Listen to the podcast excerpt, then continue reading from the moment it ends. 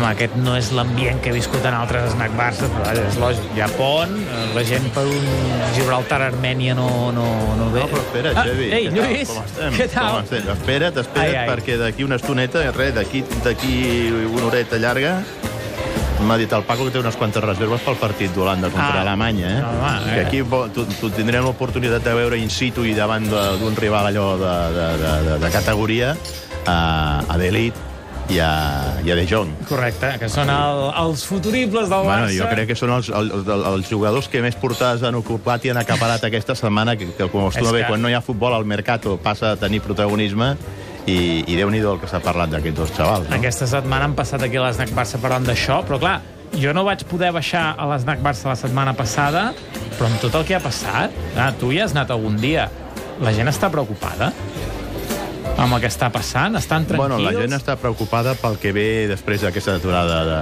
de seleccions. No? El virus que, FIFA. Que de moment el virus FIFA ja s'ha cobrat una primera víctima al Barça, que és Vermaelen. el cas de Vermalen, no?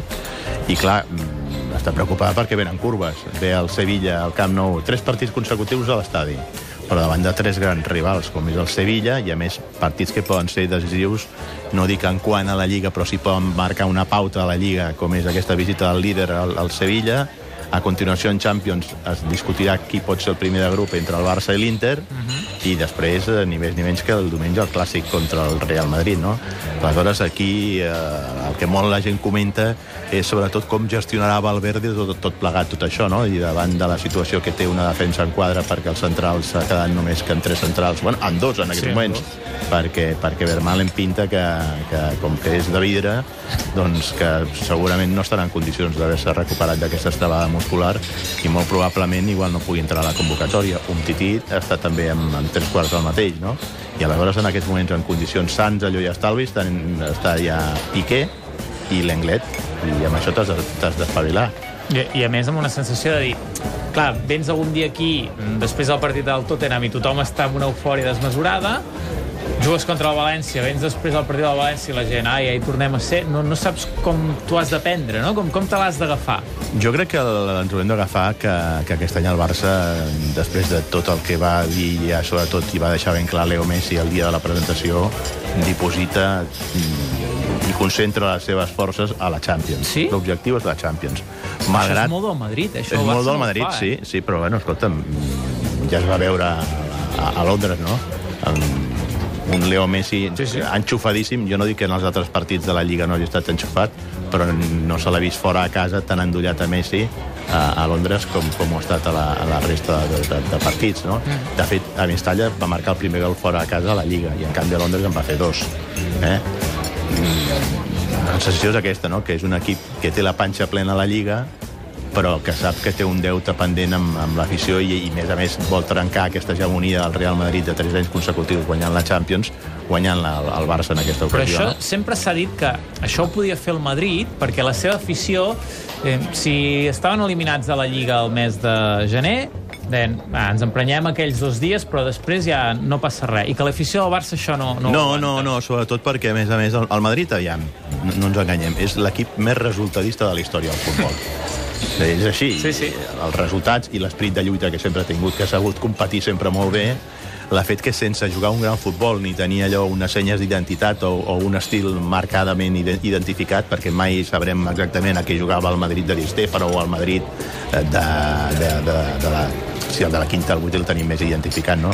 Però aquest Madrid d'aquests anys que ha guanyat quatre Champions en, en cinc anys, no li teníem allò identificat un estil concret de joc, no? O sigui, era un equip molt directe, molt vertical, però no era un equip que marqués un estil com el que, per exemple, té, té clarament identificat el Barça, no? I en canvi el Barça, per guanyar, sempre li ha calgut jugar bé. I la prova d'això és que en les cinc vegades anteriors que ha guanyat la Champions ha vingut acompanyat d'haver guanyat com a mínim la Lliga aquella temporada, ha fet doblets o triplets en dues ocasions. Aleshores, aquesta és la diferència entre, entre un i l'altre, no? I, I, clar, fa pensar que si el Barça no es concentra també a mantenir una bona línia de joc, ser regular durant tota la temporada de la Lliga, després no serà perquè un dia llences la moneda a l'aire et toqui jugar bé a la, a la Champions. És una miqueta allò com Eh, te recordes aquell any amb la porta que va dir allò que no les enreden, Sí, que no vamos tan enganyin, mal, al que no les al loro que l'equip anava fatal a la Lliga, Sí, sí, sí. despenjadíssim, el Madrid, que era el Schuster el que l'entrenava, li portava no sé quants punts d'avantatge i tal, Però el Barça es mantenia viu a la Champions i, per tant, doncs, mm, Va estirar. vas tirant i dius, escolta, tinc la possibilitat de ser campió d'Europa. Però no, ja et va tocar el Manchester United a les semifinals i et va posar al seu lloc, no? I a la Lliga doncs, vas acabar-li fent el passadís al, al, al Real Madrid i vas haver de canviar d'entrenadors, va acabar el cicle de Rijkaard i a continuació va com- començar, afortunadament, el cicle de Guardiola. Què vull dir? Que el Barça necessita imperiosament per guanyar títols jugar bé.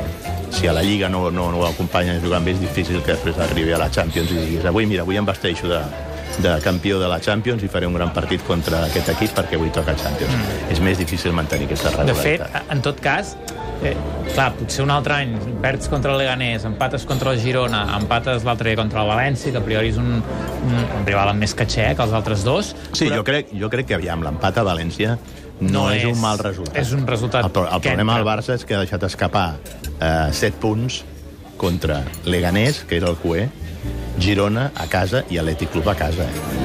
I, i, i escolta, ni l'Atlètic Club ni el Girona estan fent una temporada com per tirar coets. És a dir, no, no te'ls ha vist l'altre al Sevilla que vingués, que sent líder de t'empat aquí al Camp Nou, diu, mira, no, hem empatat el líder i aquests estan en ratxa. No, no, t'ha birlat punts al Leganés, que era l'últim, el Girona i l'Atlètic Club. Aquest és el problema. No, no els dos punts que t'has deixat a València. És que el, el culer més pessimista, el raonament que fa és que val, tenim els mateixos punts, o més o menys els mateixos que Atlètic de Madrid, Madrid, Els ells han que- jugat, ells han jugat contra algú. El ells, Barça ells, no. ells han jugat contra rivals de, de més dificultat, això és cert. El calendari del Madrid i de l'Atlètic ha estat més difícil que el que ha tingut el Barça. Per tant, venen, per això dic que venen curves i caldrà veure aviam quina és la resposta aquesta pròxima setmana en tres partits consecutius. Per això que Valverde jo crec que haurà de fer no, encaix de peces uh -huh. per, per intentar que en aquests tres partits l'equip tingui la màxima intensitat competitiva i pugui jugar allò amb el màxim de, de possibilitats per aconseguir la victòria. I escolta'm, agrada Artur o no? Perquè és el jugador aquest que ara s'ha home, jo posat crec, el... jo crec que és el jugador de moda en aquests moments de Can Sí, no? Barça, no? Agrada sobretot perquè té un estil de futbol molt, molt del patró. d'or. Jo no voldria dir això de l'ADN, que està ja molt, molt gastat, però sí que té un estil i un patró de joc molt semblant al, al del Barça. Sembla un jugador allò creat a la Masia i, i a mi també m'agradaria, que ara que tant parlem de, de, de, de Matías, de, de Leite i de, i de, i de Frankie de Jong, que les mateixes oportunitats que aquests jugadors han tingut a l'Ajax les tinguessin jugadors del planter aquí a Can Barça.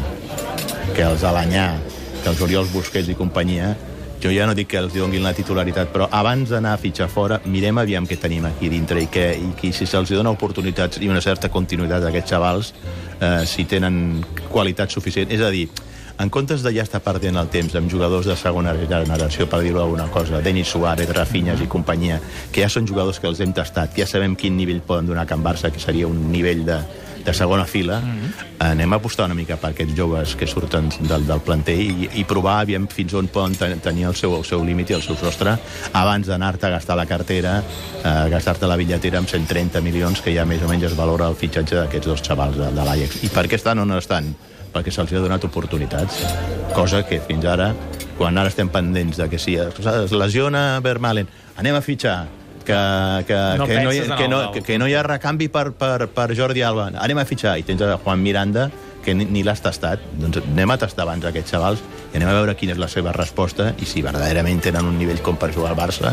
Escolta, tornem una altra vegada als orígens a mirar, a mirar primer el producte interior de la casa i si amb els de la casa no, no, no, no, no t'hi vals, aleshores vés a buscar fora. A més, eh, hi ha una cosa curiosa amb el Barça, que quan fitxes jugadors de fora que al seu lloc podria ser algú de la casa, el Barça ho fa molt malament i després marxen i semblen... És el cas de Paco Alcácer, no? Ara, ara, ara, Bueno, però, ara, ara però, sembla... però també et diré, Xevi, que és un cas rara avis, eh? perquè normalment els jugadors, després de passar per Can Barça... Pocs, No triomfen. No triomfen. No triomfen. No sé per, si sé perquè surten desgastats o perquè molts s'acomoden aquí.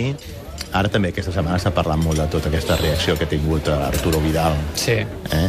Però jo m'estiu més la reacció d'Arturo Vidal que la, condescendent, la condescendència de gent com, com, com André Gómez i ja no et dic ara de Turan. Més val que un tio quan no jugui s'emprenyi de debò i demostri doncs, que, està, que està allò enfadat que no, mira, que s'ho prengui a la Bartola, que no jugo, doncs no passa res, igualment cobraré, escolta'm, doncs jo per mi és millor. Ara, segurament equivoca les formes d'Arturo Vidal. Home, segur. Vaja, públicament el Barça Sí, ha de so, sortir a so, so, so, so, evidentment. sobretot per respecte als companys que juguen, que són els que, que ha criat i ha comptat amb ells d'entrenador, i això és un menys teniment per part d'Arturo Vidal. Clar, tu et quedaràs a veure aquest uh, Sí, sí, sí, sí, tinc moltes ganes de veure de jugar aquests dos xavals, els conec, però tinc ganes de veure'ls avui a Barça, que és l'equip del meu amic Ronald Koeman. per tenir, a més, per, per aquest motiu, jo ja em, em veig tots els partits de la selecció Per holandesa. tant, una mica taronja tu avui aniràs, eh? Una mica no bastant. Va, doncs ja et pots De fet, de fet demanaré una taronjada. Ah, mira, una taronja... Va, una altra per mi. Jo vindré quan plegui a les 9. Uh, ja estarà Mira, t'espero, d'hora. que, que serà un bon partit, segur. Va, doncs ens veiem aquí. Vinga, va, que torno a bé. pujar a veure el final del Reus, que em sembla que està, guanyant, no? Està guanyant Sí. el Molirón, que déu-n'hi-do, Eh? eh? Déu-n'hi-do, Déu-n'hi-do. No- no és fàcil. Xavi Palau deu estar eufòric. Vaja, ja ens ha explicat el gol del Reus. estic, ho estic, Amb una Lluís. eufòria, mira, mira, ja el pots sentir. Està, Sí, està... Xavi, tot bé? Lluís? Està- Molt bé, molt bé. Quina gran segona part del Reus i mira, que havia de fer història, eh? Perquè el que li està costant a casa al municipal ho treu a fora, va guanyar el camp de l'Elx, va guanyar, o va eliminar l'Ossassuna de la Copa, va guanyar el Rodríguez López al camp del Tenerife i va, mira, estem a dos minuts més d'afegit que pugui segellar aquesta victòria Vaja, que amb aquest resultat fins i tot s'ha- primat el Jaume Oliver, el Joan Oliver. Eh? Això ja és més difícil, eh? Això és més difícil, eh? Va, els hi pots dir al Paco que el posin als, als minuts finals. Vinga, que vagi Lluís, molt bé, fins la setmana que ve. Adéu. Gràcies, adéu.